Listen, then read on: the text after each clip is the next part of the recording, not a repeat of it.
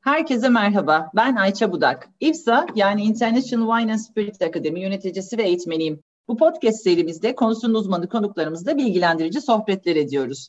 Bugün konuğumuz uzun yıllar farklı ülkelerdeki havalimanı duty free'lerinde yöneticilik yapan, daha sonra da kendi eğitim ve danışmanlık şirketini kuran, bugünlerde daha çok düzenlediği viski mentoringlerle karşımıza çıkan Murat Çark. Merhaba Murat, hoş geldin. Hoş bulduk, nasılsın? İyiyim sağ ol. Sen nasılsın? Teşekkür ederim. Sağ ol. Ben de çok iyiyim. İyi oldu buluşmamız. Bence de, bence de. Hadi başlayalım çok vakit kaybetmeden. Harika. Tamam. Nasıl başlayalım? Anlat bakalım. Murat Bak kimdir? Ya işte e, soru bana zor geliyor aslında. Böyle kendimi anlatayım, nasıl başlayayım.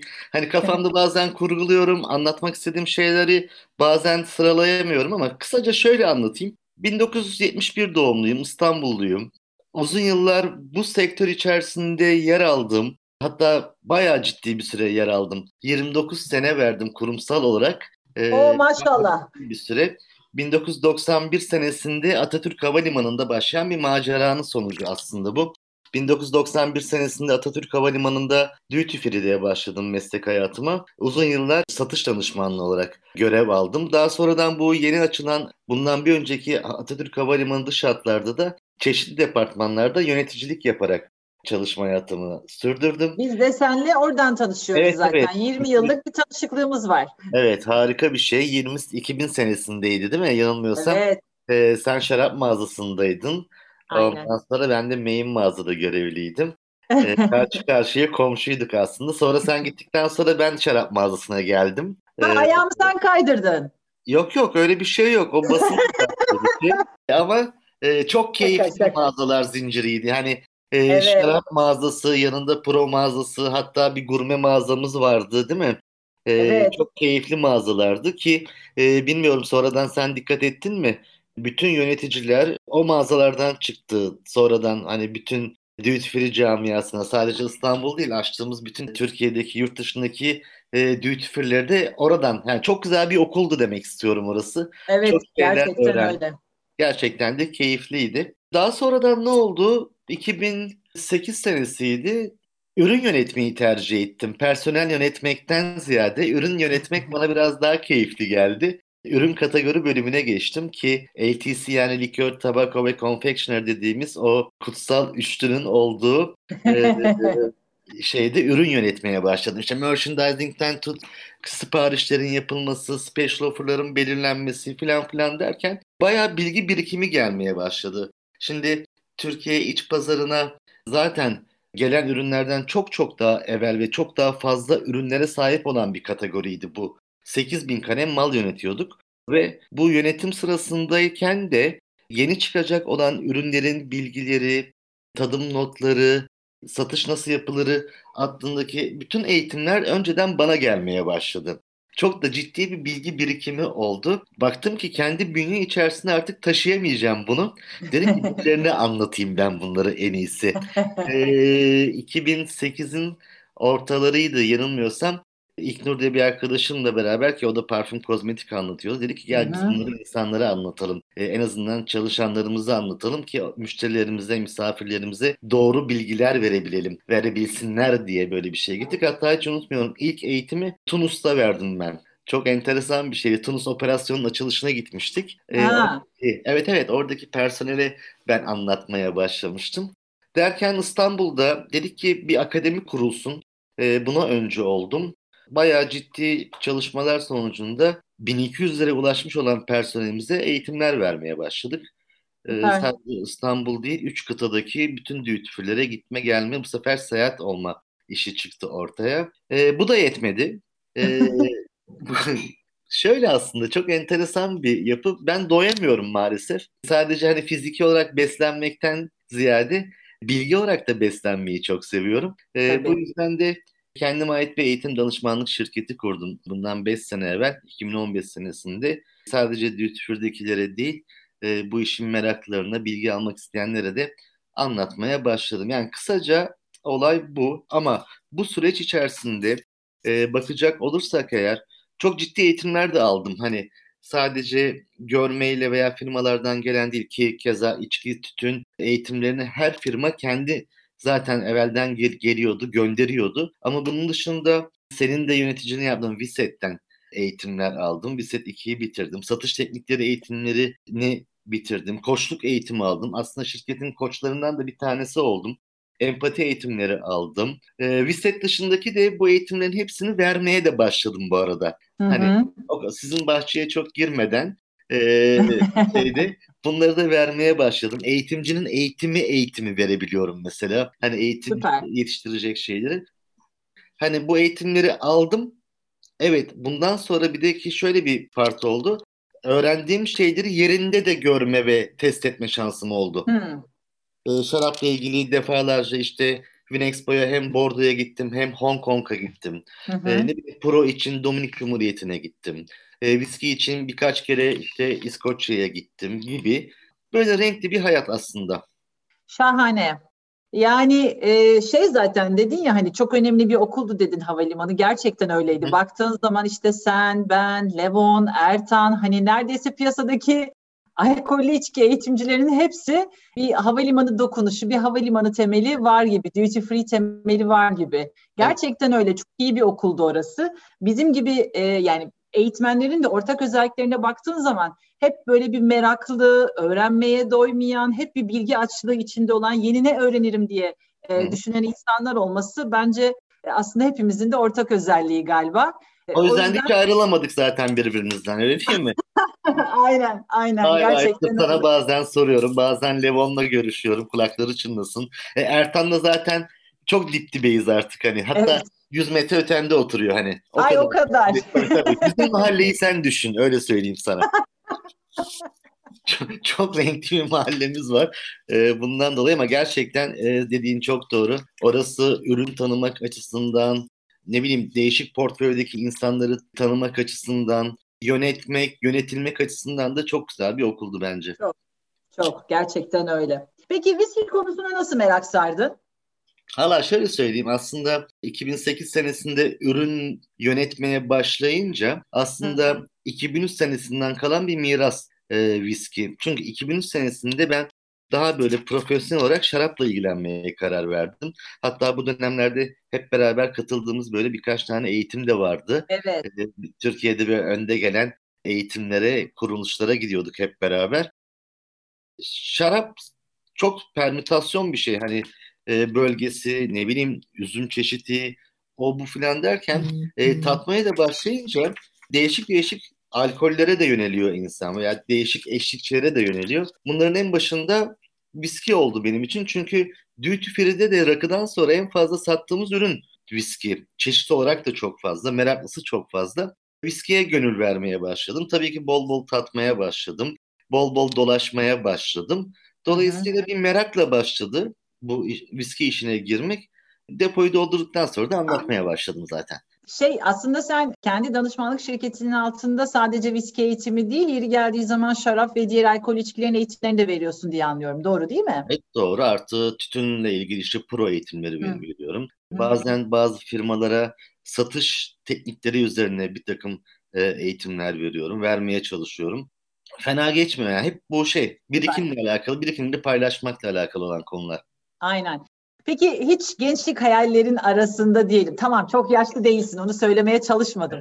Ama bu Beni işi yapacağını düşünmüş müydün yani Murat? Ha, aslında şöyle düşünmemiştim ki ürün yönetene kadar ama ürün yönetmeye başladıktan sonra bize çünkü ilk duty free'ye girdiğimiz zamanlarda firmalar dışında bize böyle bilgi paylaşan bir mecra yoktu. Hı hı. Hani sağlıklı bilgi yoktu. Zaten elektronik ortam yoktu ki ben evet. hala elektronik ortamın çok temiz olduğuna inanmıyorum. Yani bilgiyle beslenebileceğimiz bir yer yoktu. Bunun eksikliğini ben çok yaşadım zamanında. Ne zaman ürünle ilgilenmeye başlayıp ürün yönetmeye başladım. Dedim ki ya bu işten e, insanların da yararlanması lazım. Özellikle bizim sektörümüzde çalışanların e, bundan faydalanması lazım diye düşündüm. Ve dedim ki bu benim için bir meslek olabilir artık. Biraz da konuşmayı da fazla seviyorum aslında. ee, birleşince evet ilk başlarda gerçekten zorlandım. Hani belki korktum konuşmak yani bu zaten şey gibi sahneye çıkmak gibi bir şey. Yani onu ne zaman kırmaya başlıyorsunuz her şey biraz daha kolay olmaya başlıyor. Biraz daha rahatlamaya başlıyorsunuz ama bir 10 sene evvel ben evet artık bunu ömrümün sonuna kadar yapabileceğim bir mesleğimdir diye e, kararını vermiştim zaten. Yani ama aslında diyorsun ki işin altında yatan konuşmayı sevmek. ee, o, o hani e, evet konuşmayı sevmek lazım aslında. Yani hitap etme şekilleri önemli. Biliyorsun artık hani IQ'den ziyade artık EQ devrede. Evet. İnsanların biraz daha iş dünyasına girebilmek önemli. Çok Bunu başardığınız zaman zaten eğitmen oluyorsunuz.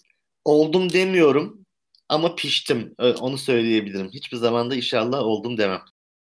Evet bence de insanın o zaman gelişimi duruyor kesinlikle. Oldum değil. E işte olmaya çalışıyorum. Piştim evet. demek güzel. Piştim güzel bir sözcük. Evet. Kısık ateşte pişmek hatta. Aynen öyle. Aynen öyle. Yani bir de zaten herhalde eğitimleri aldıktan sonra da hadi gezdin eğitimleri aldın ama okumaya da gelişmeye de devam etmek gerekiyor bir taraftan da. Çünkü her şey değişmeye, gelişmeye devam ediyor öyle değil mi? Evet. Sen duramazsın bir yerde yani. Evet, yok zaten sektör durmuyor. Hani e, evet. öyle enteresan ki özellikle bundan bir 15-20 sene evvelsine kadar belki içkiyle ilgili, tütünle ilgili bu kadar merak ve ürün yoktu. O kadar bir talep gelmeye başladı ki bu talebi karşılayabilmek için sürekli firmalar yeni ekspresyonlar, yeni tadım, lezzetler çıkartmaya başladılar. Dolayısıyla sektör kendini bu kadar çok güncellerken sizin yerinizde saymanız diye bir şey söz konusu değil. Sizin de mutlaka her dakika kendinizi geliştirmeniz lazım, araştırma yapmanız lazım, belki seyahatler yapmanız lazım. O yüzden de bu dinamik de benim çok hoşuma gitti. Hep bir yerlere git gel, işte evet. tat, et ki tat, et kısmı beni biraz daha hani mutlu eden kısım. O yüzden çok zevkli. Yani e, bana işin gerçeği hani bunu şey olsun diye söylemiyorum. Gerçekten bu bana işmiş gibi gelmedi. Yani bir yaşam biçimiymiş gibi geldi. O yüzden çok hoşuma gitti. Haklısın, çok haklısın. Peki ilk tattığın viskiyi hatırlıyor musun? Ne düşünmüştün ilk tattığın viskiyi taktığında? ilk taktığım viskiyi hatırlıyorum tabii ki. Ee, ülkemizde de hatta Duty Free'de o zaman böyle aşırı derecede sattığımız belki de onun dışındakilerin viski bile olduğuna inanmayan, inanmayacak kadar popüler olan bir markayı tattım. Dedim ki yani yok bu pek benlik değil. Aa. Çünkü o zaman 19 yaşındayım. O zamanki tabii ki şu an için de geçerli bu söylediklerim. Genç tayfa genellikle beyaz ve soğuk içkiler içiyor. Bir anın dışında ne bileyim vodka içiyor, cin içiyor. Ne zaman şarapla tanışıyorsun aromalar gelmeye başlıyor bünyeye. O zaman belki işte viski, konyak gibi şeyler ki bünyenin biraz kilometre yapması lazım bu konu hakkında. Eh kilometrenin başındayken viskiyi tadınca şey dedim ben bundan çok içemem. Hani, o, yüzden biraz uzak kaldım. Yoksa hani içki içmeyi çok seviyorum. Ee, vodka içiyorum, cin içiyorum, şarap içiyorum. Hı hı. Ama çok böyle lıkır lıkır içilemeyecekmiş gibi geldi o dönem için bana. Evet. Zaten kararında içinizi her zaman vurguluyoruz değil mi Murat? Evet evet yani herkesin tabii karar ölçüsü farklı olabiliyor ama sonuçta sağlığımızı etkilemeyecek kadar e, evet. işin lezzetinde, sohbetinde bırakacak kadar içmeyi biz hep, hep devamlı tavsiye ediyoruz zaten. Kesinlikle. Hadi o zaman biraz viskinin hikayesini dinleyelim senden. İskoçlar mı, İrlandalılar mı Murat? Aa, şöyle sorayım. Kahve, lokum, baklava konusunda Yunanlılar mı, Türkler mi gibi bir soru aslında. yani e, komşuyla aramızdaki o tatlı rekabet gibi e, İrlanda ile İskoç arasında her ne kadar çok tatlı olmasa da bu rekabet çünkü bayağı ciddi hani tartışmalara yan açıyor. E, bence ikisi de haklı. İkisinin de haklı olduğu taraflar fazlaca var. Kelime kökeninden yola çıkarsak İrlanda daha haklıymış gibi gözüküyor. Uşkeba, Galce bir kelime, adanın daha eskileri İrlandalılar olmasından kaynaklı e, İrlandalılar bu konuda haklı ama işin ispatı konusunda biraz geç kalmışlar. Çünkü işin ispatını yani yazılı belgeyi bizlere sunan da İskoçlar. 1494'te ölen o İskoç e, John Core adındaki rahibin e, başlatmış olduğu bir mevzu. Yani popüleritelik açısından yani hangisi daha popüler? Tabii ki İskoçlar şu anda viski pazarına İrlandalılardan biraz daha fazla hakimler. Çok fazla viskileri var ama diyemeyiz ki İrlandalılar bu işin içinde değil. Anladım. Bu Cizvit rahipti değil mi ee, bahsettiğin? Hani damıtma sistemini öğrenip ondan sonra İrlanda'ya, İskoçya'ya götüren hikaye mi bu? Evet yani e, biliyorsun damıtmayı Araplar buluyor 9. yüzyılda. Evet. Ne zaman Avrupa ile tanışıyor damıtma? Haçlı seferleri sırasında e, tanışıyor. İşte Müslüman dünya ile Hristiyan dünya iç içe geçince bu teknolojiyi alıyorlar. Çünkü gerçekten Avrupa'da su içilebilecek düzeyde değil. E, herkes tabii ki bu metotta e, ellerinde tabii ki bir şarap, bir bira var ki damıtma yapabilmek için de zaten biliyorsun e, fermente olmuş düşük alkollü bir içkiye hı hı. ihtiyaç var. E, e, abilerin elinde bira var zaten. Britanya için konuşuyorum. Hani Fransa, Fransa'da bir şarap var. E, bu teknikle e, birayı damıtarak işte ve damıttıktan sonra elde ettikleri alkolü de fıçılarda olgunlaştırarak viskiyi elde ediyorlar. Yani hikayenin dediğim gibi e, senin söylediğin gibi başlangıç noktası bu. Okey. Peki en yaygın iki viski türü single maltlar ve blended viskiler diyoruz. Ee, nedense sanki bu single maltlar daha kıymetliymiş gibi davranılıyor. Halbuki bir blended viski de ayrı bir sanat yani bence. Sence de öyle mi? Ya bu çok hassas bir nokta. Şimdi öyle bir şeye geldik ki aslına bakma. E, nasıl bundan bir 20 sene evvel şarapta bebek bir ülkeydik. En azından tatma konusunda, içme konusunda. Viskide de son 10 seneden beri bazı şeyler biraz daha fazla gelişmeye başladı. Gelişmeye başlayınca tabii ki farklılıklar ortaya çıkmaya başladı. Şimdi ben çok mentoring yaptığım için bazen fazlaca duyuyorum belki bu işi. İşte sen hala blended mi içiyorsun? Ben single malt'tan başka bir şey içemiyorum. Yani mertebeymiş gibi bir hal almaya başladı. Aynen. Şimdi şöyle her bünyenin, her daman bir yapısı var aslında. Viski tatmak da biraz evvel söylediğim gibi kilometre yapmakla alakalı olan bir şey. Hani bir anda belki malt dünyasına girme şansınız olmayabilir. Olsa da e, blended dünyasını kötü çocuk olarak ilan edemeyiz. Şimdi ikisinin de çok farklı olduğu noktalar var. Biraz evvel söylediğin gibi blendedler aslında bir sanat ürünü gibi düşünebilirsin. Hep bunu mentoringlerde de anlatıyoruz. Ertan'ın da kulakları çınlasın e, maltları birer renk olarak düşünebiliriz. E, daha sonradan 1830 gibi üretilmiş olan tahıl viskisi yani grain viskiyi de bir tuval olarak düşünebilirsin. Blended bu tuval üzerine serpilmiş bir renk olarak, renk cümbüş olarak düşünebilirsin aslında. Yani sanatsal kısmı bu. E, maltlar biraz daha yoğun ama e, asıl belki aroma yelpazesi belki de blended'ların içerisinde biraz daha fazla. Şimdi hı hı. bu konuyu aslında biraz da şöyle değerlendirmek lazım. Kilometreyi yaptınız. Kilometre yaptınız nasıl anlaşılıyor? Bu arada hani içkiyi ne zaman değiştirmeniz gerekiyor? Nasıl karar veriyoruz buna? İçkinin etkisi, viskinin etkisi, sizi doyurma etkisi azalıp da miktar artıyorsa artık o sizin viskiniz değil. Yani bünye diyor ki beni bir üst noktaya taşı aslında. Bu üst noktada tabii ki alkol derecesiyle alakalı değil, daha yoğun aromalı, daha güçlü aromaların olduğu bir dünya. Eğer ki blended dünyası hep var ama eğer ki bir gün Malt'a geçtik, Malt dünyasına merhaba dedik, bunun da aslında bir yürüyüş skalası var. Yani ilk başta belki bir Lowland'den başlamak gerekiyor.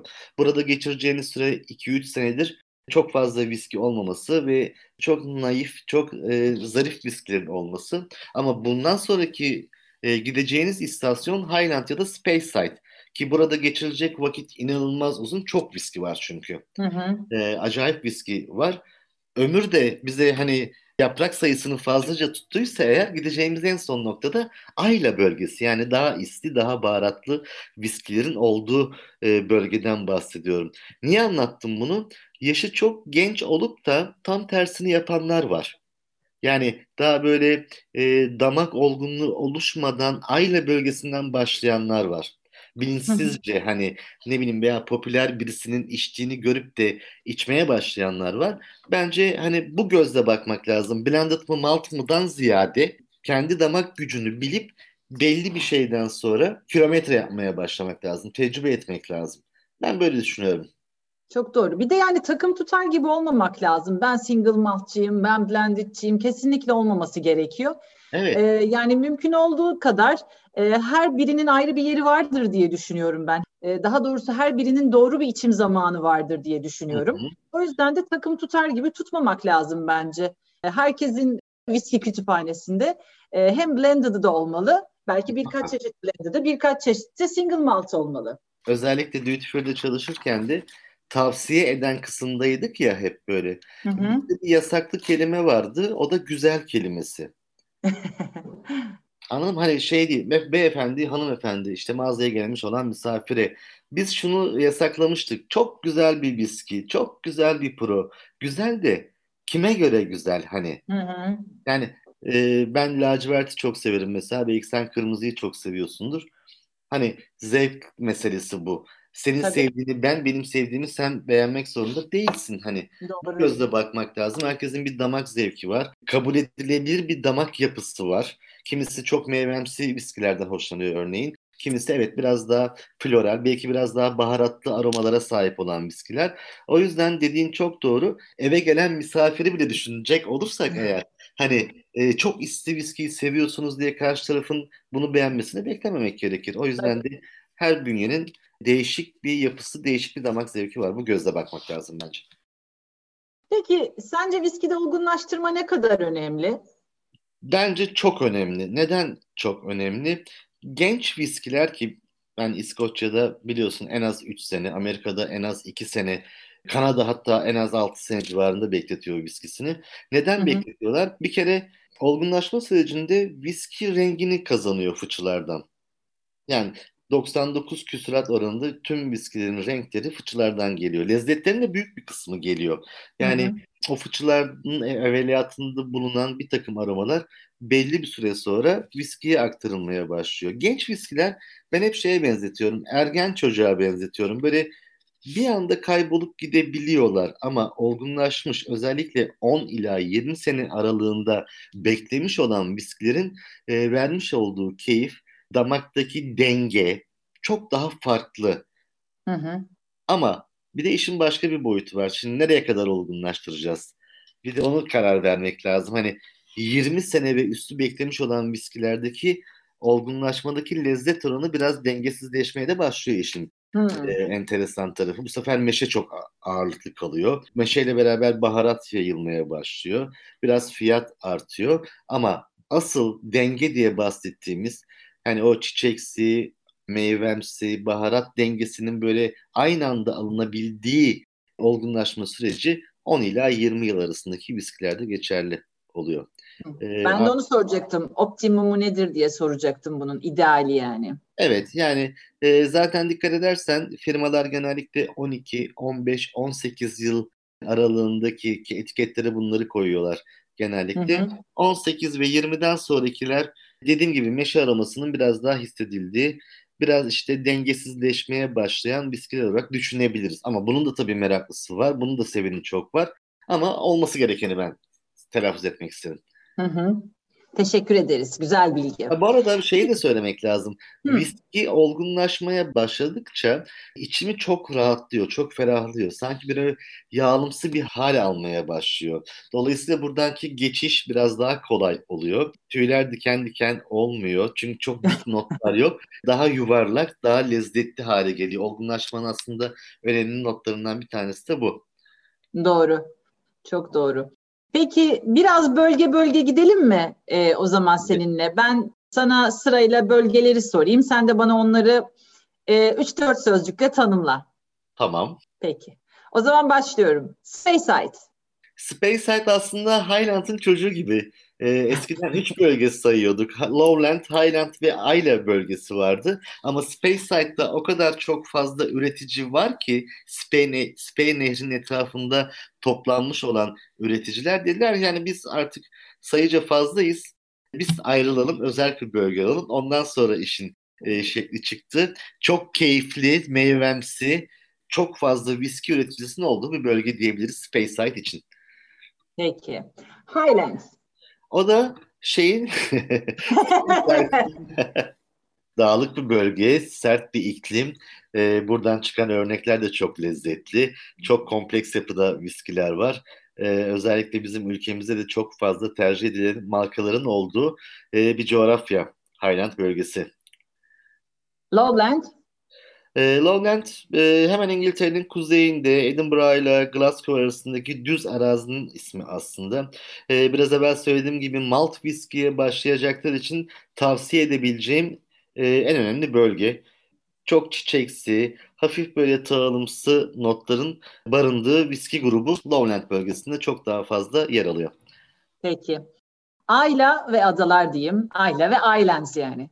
Evet. Yani işin bence e, son noktası diyebiliriz. Yani buradaki viskiler e, okyanusun etkisiyle daha iyot aromalı, e, hı hı. biraz daha ilaç gibi kokan, deri, toprak aromalarının kuvvetli olduğu, daha baharatlı olan viskilerin olduğu grup. Yani belli bir damak doygunluğuna ulaşmış olan kişilerin tercih etmesi gereken bölgelerden bir tanesi diye düşünüyorum. İnşallah herkes bu mertebeye bir gün ulaşıp buradaki viskilerin da sahip olur. Campbellton? Campbellton e, çok enteresan. Hani 18. yüzyılda 30 kadar damıtım evi varken son dönemlerde hep böyle az ve da hiç bahsetmediğimiz bahsetmediğimiz bölge. Hı hı. E, son dönemde üç tane damıtım evi var bu ada içerisinde, bu bölge içerisinde daha doğrusu. Yavaş yavaş uykudan uyanıyorlar. İşte yine böyle ada etkilerinin olduğu kuvvetli viskiler var. Ama birkaç sene daha tekrar eski formuna ulaşabilmesi için bence biraz daha beklemek gerekecek gibi düşünüyorum.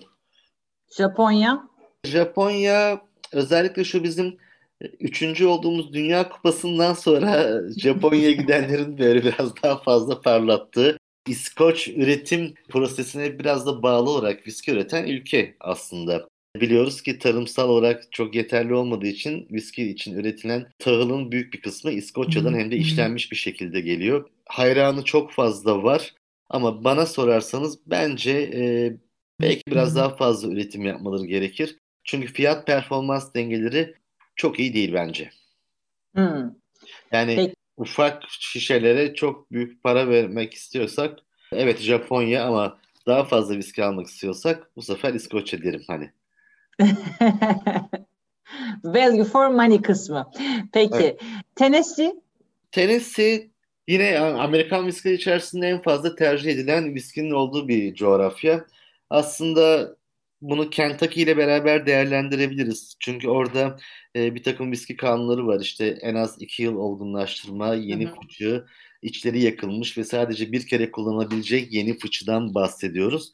E, aynı prosesler e, daha doğrusu minimum %51 mısır kullanma zorunluluğu Tennessee içinde geçerli, Kentucky içinde geçerli ama Tennessee Kentucky'den bir tık daha fazla neyi yapıyor? Viskiyi şişelemeden evvel kendilerinin oluşturmuş olduğu akçameşe ağaçlarından elde ettikleri bir kömürden filtre ederek geçirip ondan sonra şişeliyorlar.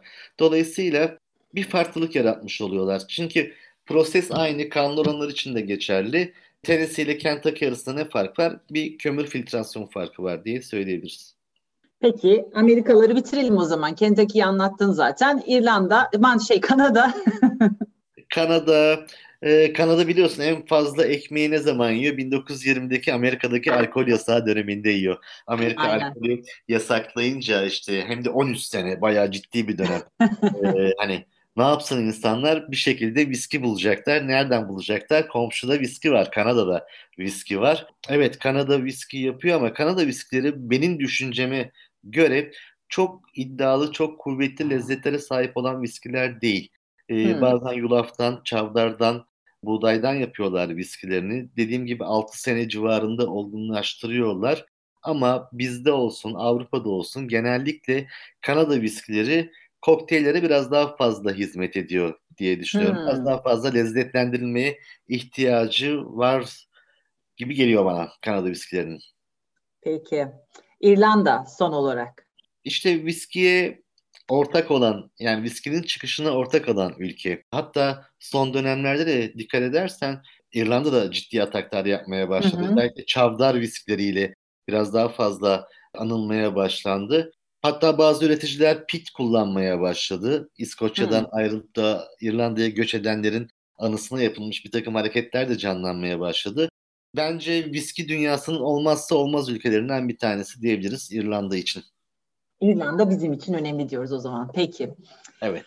Çok güzel bir özet oldu bence viski bölgeleri üzerine. Teşekkür ederiz. Ağzına sağlık evet. öncelikle. Estağfurullah. Ee, bir soru daha sorayım mı ben viski üretimiyle ilgili? Ee, ne tür imbikler kullanıyorlar? Şimdi Bir kere İskoçya bu konuda farklı. İskoçya bakır imbik kullanıyor. İşte o damıtmanın icadından bugüne kadar gelen en önemli şeylerden, materyallerden bir tanesi bence bakır imbik. Ama 1830'dan sonra çelik imbiğin çıkmasıyla çelik imbiği kullanan endüstriyel üretim yapmak isteyenler de var. Ne fark var?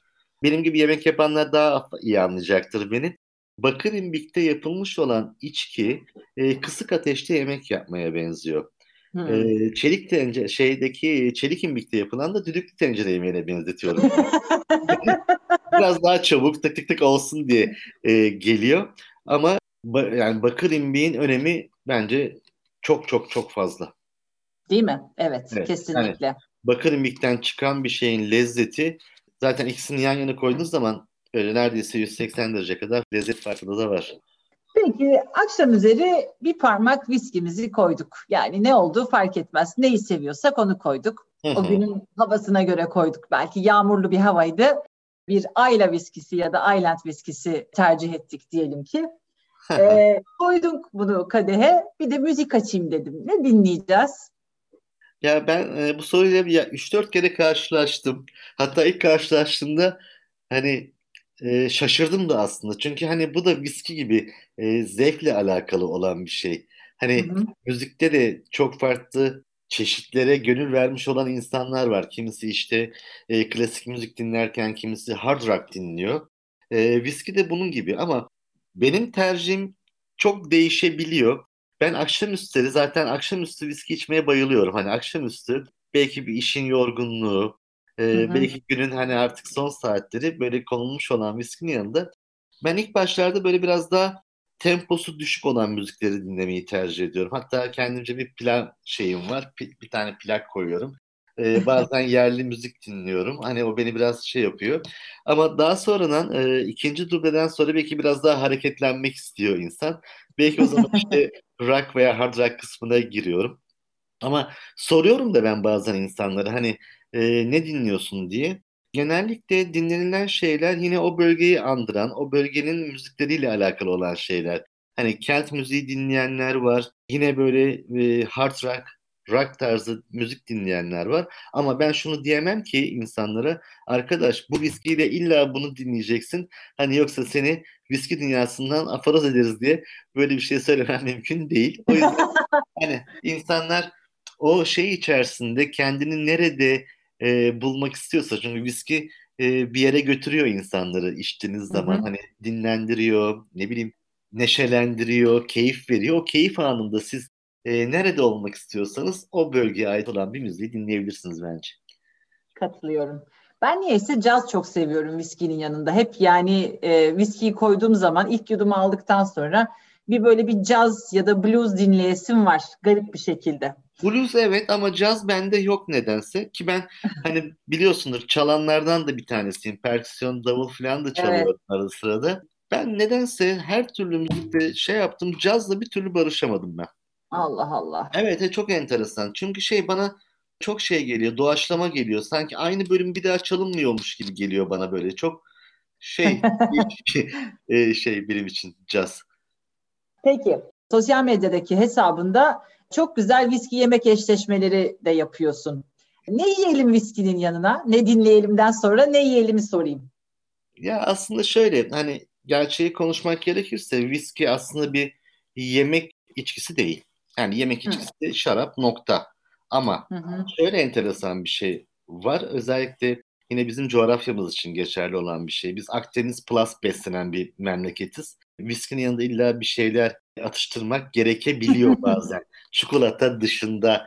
E, evet. Yani daha doğrusu sütlü ve beyaz çikolatanın dışında diyeyim. Çikolatayı hemen tükaka ilan etmeyelim ama e, bizim işte coğrafyamızda dikkat edersen genellikle kuru yemiş çikolata biraz daha fazla viski eşlik ediyor. Ben bunu biraz daha bunun dışına çıkartmak istedim. Yani viskinin içerisindeki aromalar ne ise onunla beraber hareket edecek, onunla beraber özdeş, viskinin gücüne güç katabilecek olan yiyecekler yapmaya başladım.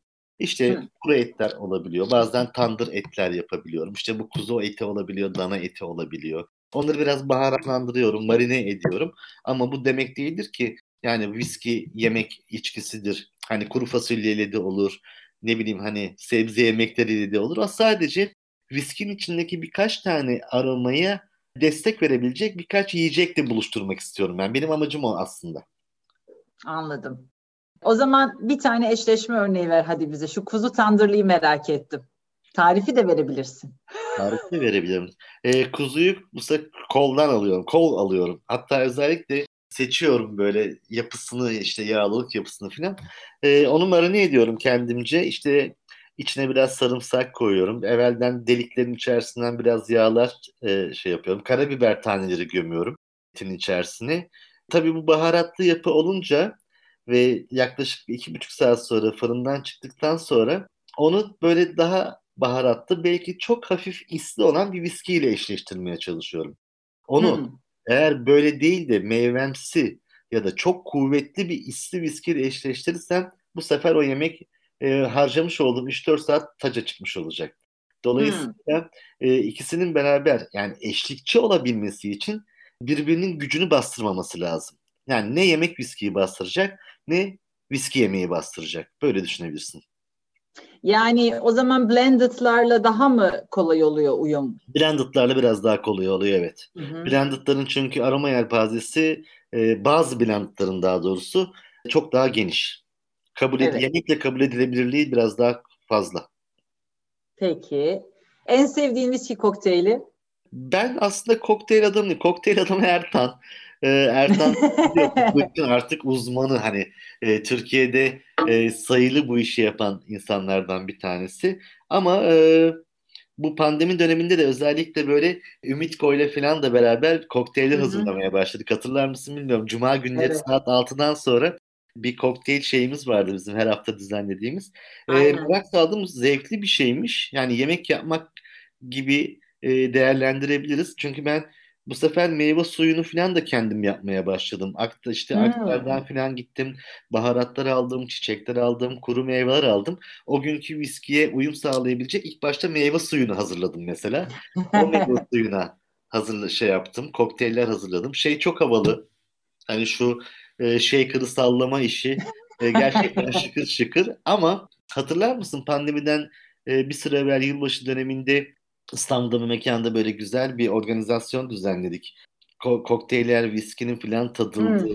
O evet. orada ben e, Highball'la tanıştım mesela. Daha evvel Highball'la çok böyle haşır neşir olan bir insan değildim.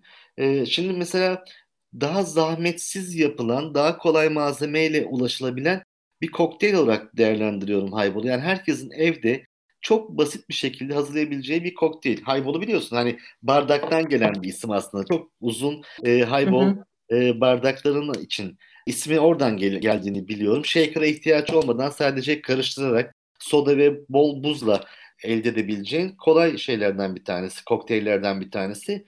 Ki e, geçen akşam yine bir davette muhteşem bir tane highball. İşte, e, ölçülerini çok bilmiyorum ama kullanılan malzemeler hakkında ufak tefek tiyolar verebilirim.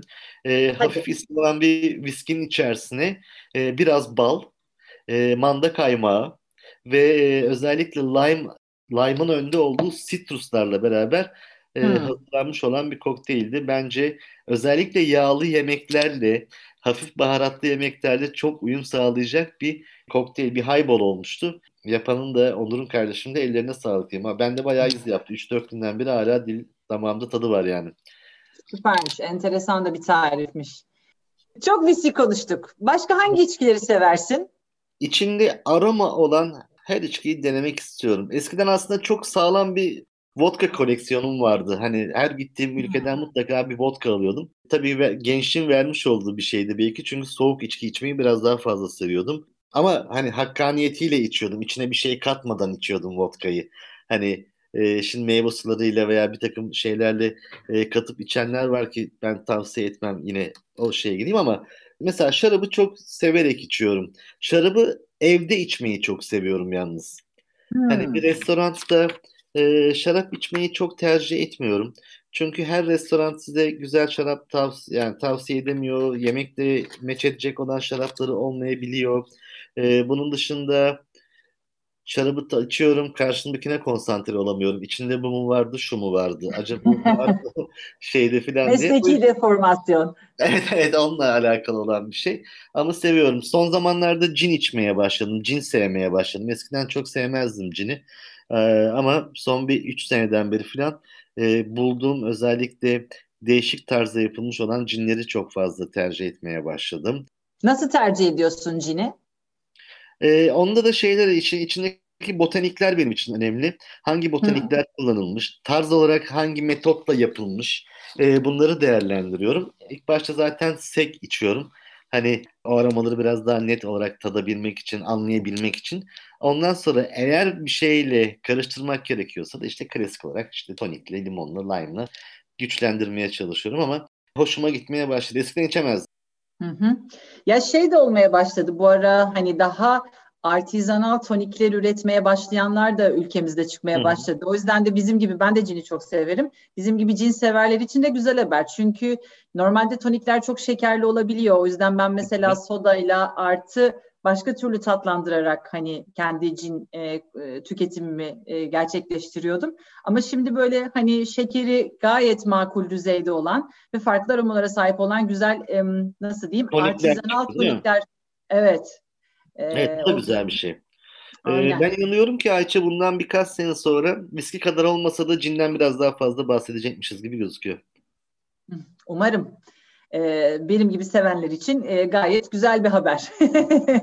e, bir ara tekile içiyordum. Hani yine gençlik dönemlerinde ama sonradan baktım ki bu iş böyle olmayacak. Hani çünkü maalesef bize bu bundan bir 20 sene evvel, 30 sene evvel belki hala öyledir. E, şeyde görmüyorum dışarıda.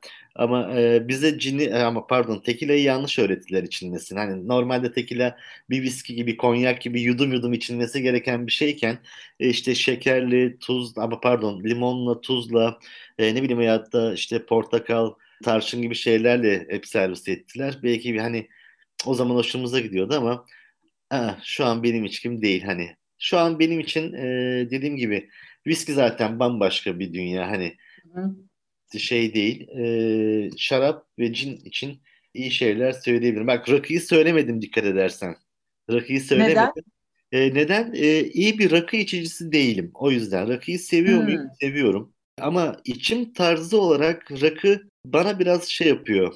Dokunuyor mu diyeyim artık bilmiyorum. Hatta nur içinde yatsın. Aydın Boysan'la biz havalimanlarında çok karşılaşırdık. Böyle onunla bir 10 dakika 20 dakika müsaade ettiği süre içerisinde çok e, muhabbet etme şansım oldu. E, o bile dedi bana evladım sen rakı içme dedi. Çünkü e, viski hızlı içilen bir şey. Yani daha doğrusu çabuk tüketilen bir şey. Yeri geliyor shot olarak da içebiliyorsun. Ben aynı muameleyi rakıya yapıyorum mesela. E, hmm. iki yudumda, üç yudumda e, bitirebiliyorum bir kadehi. E, sonrası hoş olmuyor. O yüzden hani ne zaman ben bunu öğrenirsem belki biraz daha keyifli geçecek benim rakı maceralarım öyle söyleyeyim. O yüzden hani şey yapmadım. Yoksa şimdi bizim gençliğimize bir bak, bir de şimdiki döneme bir bak. E, şimdikiler ne kadar şanslı çünkü muhteşem rakılar var artık piyasada. Çok doğru. Ben hatırlarım hani zamanında e, rahmetli babam falan böyle rakı içerken ilk başta peçete falan daldırırlardı. İspirtoyu falan alsınlar biraz daha lezzetlensin. Kapak açıldı. Evet, öyle bir hikaye var doğru. Bıçakla dinlendi falan. Şimdiki nesil rakı konusunda çok acayip şanslı. Çok kıymetli, çok kaliteli rakılarımız var artık. Doğru, doğru. E peki yani arada bir de olsa içiyorsun diye anlıyorum evet. hani. Evet, e, evet. Yanına yanına ne meze seviyorsun? Benim için olmazsa olmaz beyaz peynir kavun. Ha bu. Yani neden? Mideye de yer edip de hazmı zor olan bir şey ya ikisi de. Biri protein, biri işte meyveden gelen şey. O yüzden midede biraz daha kalmasını sağlıyor benim için.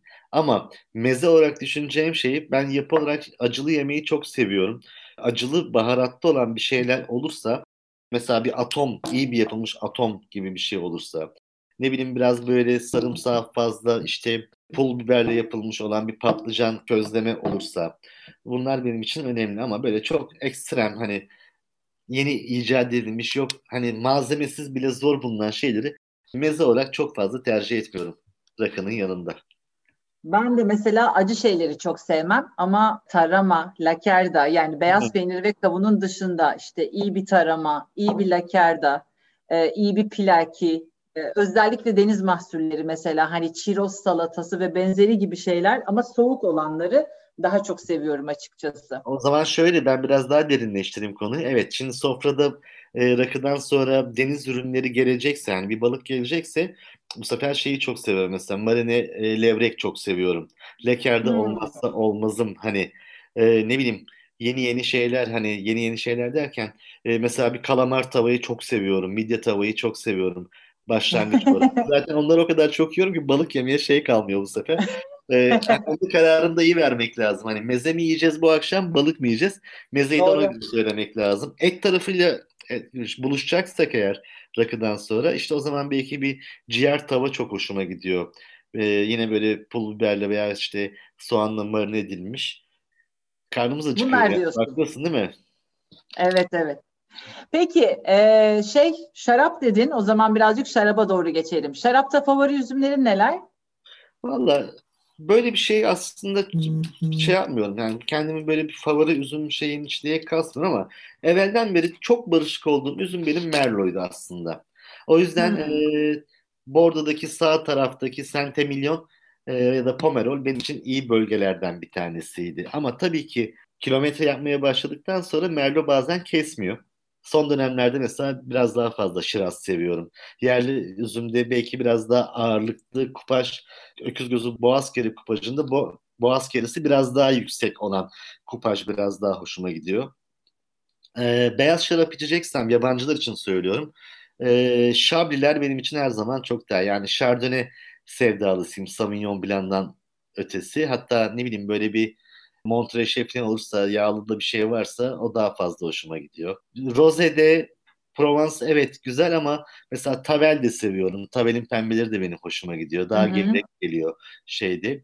Aslında Fransa'da eskiden Fransa bende çok hakimken şimdi İtalya belki biraz daha ön planda. İşte klasik Chianti'lerin işte Brunello de Montenchi'lerin dışında Piemonte bölgesinden Barbaresco'lar, Barollalar şimdi biraz da bana hitap hı hı. etmeye başladı. Şirazlı Avustralya benim için zaten hani önemli ülkelerden bir tanesi. Bunun dışında söyleyebileceğim çok hafif böyle gündelik hani böyle sofra şarabı tarzında bir şey yapacaksam da hani bulabilirsem de eğer belki pinotaj Güney Afrika'dan pinotaj olabilir. Hmm. O da benim için hani şey değil. Ee, daha kırmızıcısın sanki ama. Ben biraz daha kırmızı. Evet kırmızıyı daha çok fazla seviyorum. Anladım. Kırmızıyı Peki. daha fazla seviyorum. Peki böyle bu e, meslek sebebiyle de fazlaca gezmişsin. Seni en çok etkileyen şarap bölgeleri hangileri oldu? Yani ha. bu sadece üretici olarak değil ne bileyim bağların güzelliği olabilir. Hani manzara olarak çok güzel olabilir. Şarapları en güzel olan olabilir. O yüzden farklı farklı birkaç tane sayabilirsin belki bize. Evet şey bir kere şeye aşık oldum onu söyleyeyim. Zaten sevdiğim için ilk gittiğim yer orasıydı. Centemillion çok hoşuma gitti. Yani Centemillion sanki köşe başında her an bir şövalyenin veya böyle bir şarap ördesinin çıkacakmış gibi tarihi bir yer. Ben tarihi de çok seviyorum hani. O yüzden benim çok hoşuma gitti. Bağları çok güzeldi. Şey tarafı çok hoşuma gitti. Saint Estef tarafı çok hoşuma gitti mesela. Saint Estef güzeldi. Saint Julien yine bana hitap eden şeydi. E, ilk şey yaptığım Masten'de tadım yaptığım e, bölge Margo'ydu. Orası hmm. da hani değişik gelmişti bana. Yani şöyle bölge bölge ayırmak belki çok doğru değil. Çünkü tamamıyla yan yana köylerin oluşturmuş olduğu bir kültür aslında. Hepsi arka arkaya geliyor. Ama işte burada hangi bölgenin üzümü veya tarzı sizin hoşunuza gidiyor o bölge biraz daha sizin için parlamış oluyor. Ama benim için yani beni en çok etkileyen bölge Centemilyon'du. Anladım. Evet orası UNESCO korumasındaki bir bölge bir de inanılmaz tarihini her şeyle korumuş e, enteresan bir bölge gerçekten Centemilyon haklısın. Evet. İnşallah beni de korumaya adımlar hani.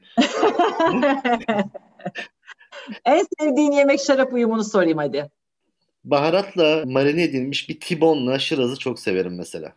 Hmm. Az ya pişmiş. Aslında ben de sır ha, sığır türü etlerle hani sığır, dana ve benzeri gibi etlerle ben de daha çok şirazı seviyorum mesela. Hı hı, Eğer söz konusu kuzu olursa mesela şeye doğru kayıyorum ben de. daha Cabernet, Cabernet Franc, Merlot oralara doğru Hı-hı. kayıyorum. Yerlide de yani öküz gözü bu askere kupacına kayıyorum ben de. Ee, Şeyse e, eğer bu yediğim şey biraz hamur işi gibi bir şeyse bir pizza ise mesela Hı. o zaman işte İtalya, Sangiovese benim için biraz daha etkili Kalecik, oluyor. Kalecik karısı evet. da olur sanki. Olur, olur. Olur Ayağın değil mi? olur, evet. Başka? Bak hiç beyaz tüketilecek bir şey saymıyorsun. Tebrik ederim o zaman, ya. O, o zaman şöyle e, ayağın alışsın diye söylüyorum. e, peynirlerle beyaz diyeyim o zaman sana. Ha peynirler. Evet bak bu çok enteresan bir şey. Hep sanki peynir tabaklarıyla ki peynir tabağı hazırlamak da ayrıca yanına koyacağın şarap açısından çok önemli. Hep peynirlerle kırmızı tüketiliyormuş gibi davranılır. Halbuki bazı peynirlerin daha doğrusu birçok peynirin o kadar uç lezzeti vardır ki bu tuz olabilir, ekşilik olabilir, Hı-hı. aroma kuvvetli olabilir. Hani özellikle mavi küflü türlerde. Bunlarla aslına bakarsan çoğunlukla beyazlar daha fazla uyum sağlıyor. Daha güzel dengeliyorlar. Tabii evet. ki de hani böyle ne bileyim işte Pinot Grigio gibi daha hafif aromaları olan bir şey değil ama bir Riesling gibi ya da bir Chardonnay gibi ya da bir Sauvignon Blanc gibi ya da işte Hatta Alsaz beyazları gibi Gewürztraminer. Aynen, aynen. Birçok beyaz çok daha e, iyi dengeleyebiliyor birçok peyniri aslına bakarsan. Tabii ki kırmızılar da uyum sağlıyor ama sanki peynirin yanına kırmızı peynir eşittir kırmızı gibi bir durum yok yani aslına bakarsan. Ben beyazda ben beyazda biraz daha fazla yakışıyorum. Özellikle bizim kendi özel peynirlerimiz var. Anadolu'ya özgü peynirlerimiz Hı-hı. var. Hani hangileri? Kargı var mesela. Ee, evet. Ondan sonra Kirli Hanım var. Hatırlıyorum. Lütfen rica ederim hani. Tattığımı unutmam ben tattığımı. Yok hangilerini sevdiğini merak ettim. Ben canım aşk olsun. Amacım seni sınamak değil. ya, ya, şaka yapıyorum zaten de mesela şey Obruk'la çok güzel olabilir. Ee, Obruk, Obruk evet. zaten hani viskiyle bile çok güzel gidebilecek tarzda bir peynir. Ee, ama e, illa peynirin şarapla uyum sağlayacak olan peynir yabancı menşeli olması gerekmiyor. Bizim coğrafyamızın da gerçekten çok kıymetli e, güzel Doğru. peyniri var. İşte Erzincan tulumu var mesela değil mi? Bence Bence mesela Trakya'nın kaşarı da inanılmaz. Özellikle olgunlaştıkça böyle o parmesanın da içinde de o tirozin kristalleri mi diyorlar? Yani böyle kıtır kıtır ağza gelir. Aynen. Ee, Antre Gurme'den aldım ben e, geçenlerde bir Trakya eski kaşarı. İnanılmaz güzel olgunlaşmıştı ve o işte parmesanı sevme sebeplerimden bir tanesi olan içindeki o tirozin kristalleri onda da vardı. Çok başarılıydı gerçekten. Şiddetle tavsiye ederim. Kaç ay olgunlaşmış bilmiyorum ama belli ki uzun yani e, belli ki 12 ay ve üstü bir şeydi. E, ama çok çok başarılıydı yani. Yani şöyle e, öyle Trakya'da güzel peynirler var ki ki başta senin söylemiş olduğun e, kaşar peyniri yani şiven değişir ikinci yudumdan sonra. bence de bence de gerçekten öyle. Ya, Ay şahane bir sohbet oldu gerçekten. Evet harika. Ben e, özlemişim de hem seni çok özlemişim hem e, biraz viskiden ziyade şarapları diğer içkileri özlemişim. E, vesile oldu. Onların da kulaklarını çınlatmış olduk aslında. E, çok hoşuma gitti. Teşekkür ederim. Böyle Ay biz teşekkür ederiz gerçekleşti ve fırsatı verdiğiniz için çok teşekkür ederim. Biz teşekkür ederiz. Peki son olarak söylemek istediğim bir şey var mı? Var. Hem de çok Hadi. önemli söylemek istediğim bir şey var. Öyle ya da böyle e, herkesin kendine tarzı olan bir içkisi var. Özellikle hani bizim toplumumuz e, rakı konusunda çok hassas davranan, hani rakı candır diyen bir toplum. E, son dönemlerde televizyondan da maalesef görüyoruz. İşte sahte içkiler, sahte rakılar yapılıyor, ediliyor. E, ben her e, buluştuğum arkadaşla veya her yapan insanla konuştuğum zaman bunun yapılmaması taraftarı olduğunu söylüyorum. Hani bu işler e, hani insana, bünyesine, sağlığına çok fazla zarar şey zarar veren e, ürünler olduğunu anlatmaya çalışıyorum. Dilim döndüğünce bazen çok komik şeylerle de bile denk geliyorum. Hani artık o kadar enteresan ki e, Ayça sadece rakı yapmamaya başladılar. Artık bana diyor ki artık şunun gold'unu yapıyorum ben. İşte binlenmenin 18 yıllığını yaptım ben falan. Ya, evet. Çok iddialı şeyler çıkmaya başladı.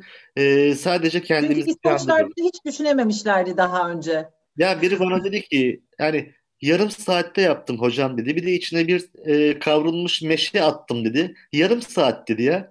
Yani artık geldi. Yani bu İskoç dedim herhalde gerizekalı olsa gerek. 12 yıl beklediğine göre dedim. Bazen teknik olarak doğru çok önemli şeyler söylüyorlar. Bana diyorlar ki ya öyle bir şey yaptım ki tattığınız zaman böyle bir şey yok diyeceksiniz diyor. Evet gerçekten böyle bir şey yok derim. hani teknik olarak çok doğru. Ee, ama lütfen hani bundan çok uzak durmak lazım. Yani bu işi ne kadar e, ehli insanların e, eline bırakırsanız bu işten o kadar fazla ki senin en başında söylediğin gibi biz kararında için diye sürekli söylüyoruz. Kararında için, mantıklı için. E bunun içerisinde hı hı. doğru olanı içmek de var. Doğru. Çok doğru. Evet. Yani bunu bir şey kenara koyup özellikle belirtmek istedim. E, lütfen bu tip şeylere girmeyin. E, girerseniz de her gün sevdiklerinizle biraz daha fazla vakit ayırın. Çünkü onlar sizi belli bir süre sonra görmemeye başlayacaklar. Allah korusun diyelim. Evet, evet ama e, çok haklısın. Gerçekten hani bu tür ürünleri e, evde yapmak oldukça tehlikeli. E, bu anlamda zaten e, doğru yayınlar ve makaleler de var insanların okuyabilecekleri. E, o yüzden e, dikkat edin, e, sorumlulukla ve kararında tüketiniz diyoruz. Murat evet. Çark'a çok teşekkür ediyoruz. Sağ ol ben bize ayırdığın Çok sağ olun. Çok teşekkür ederim.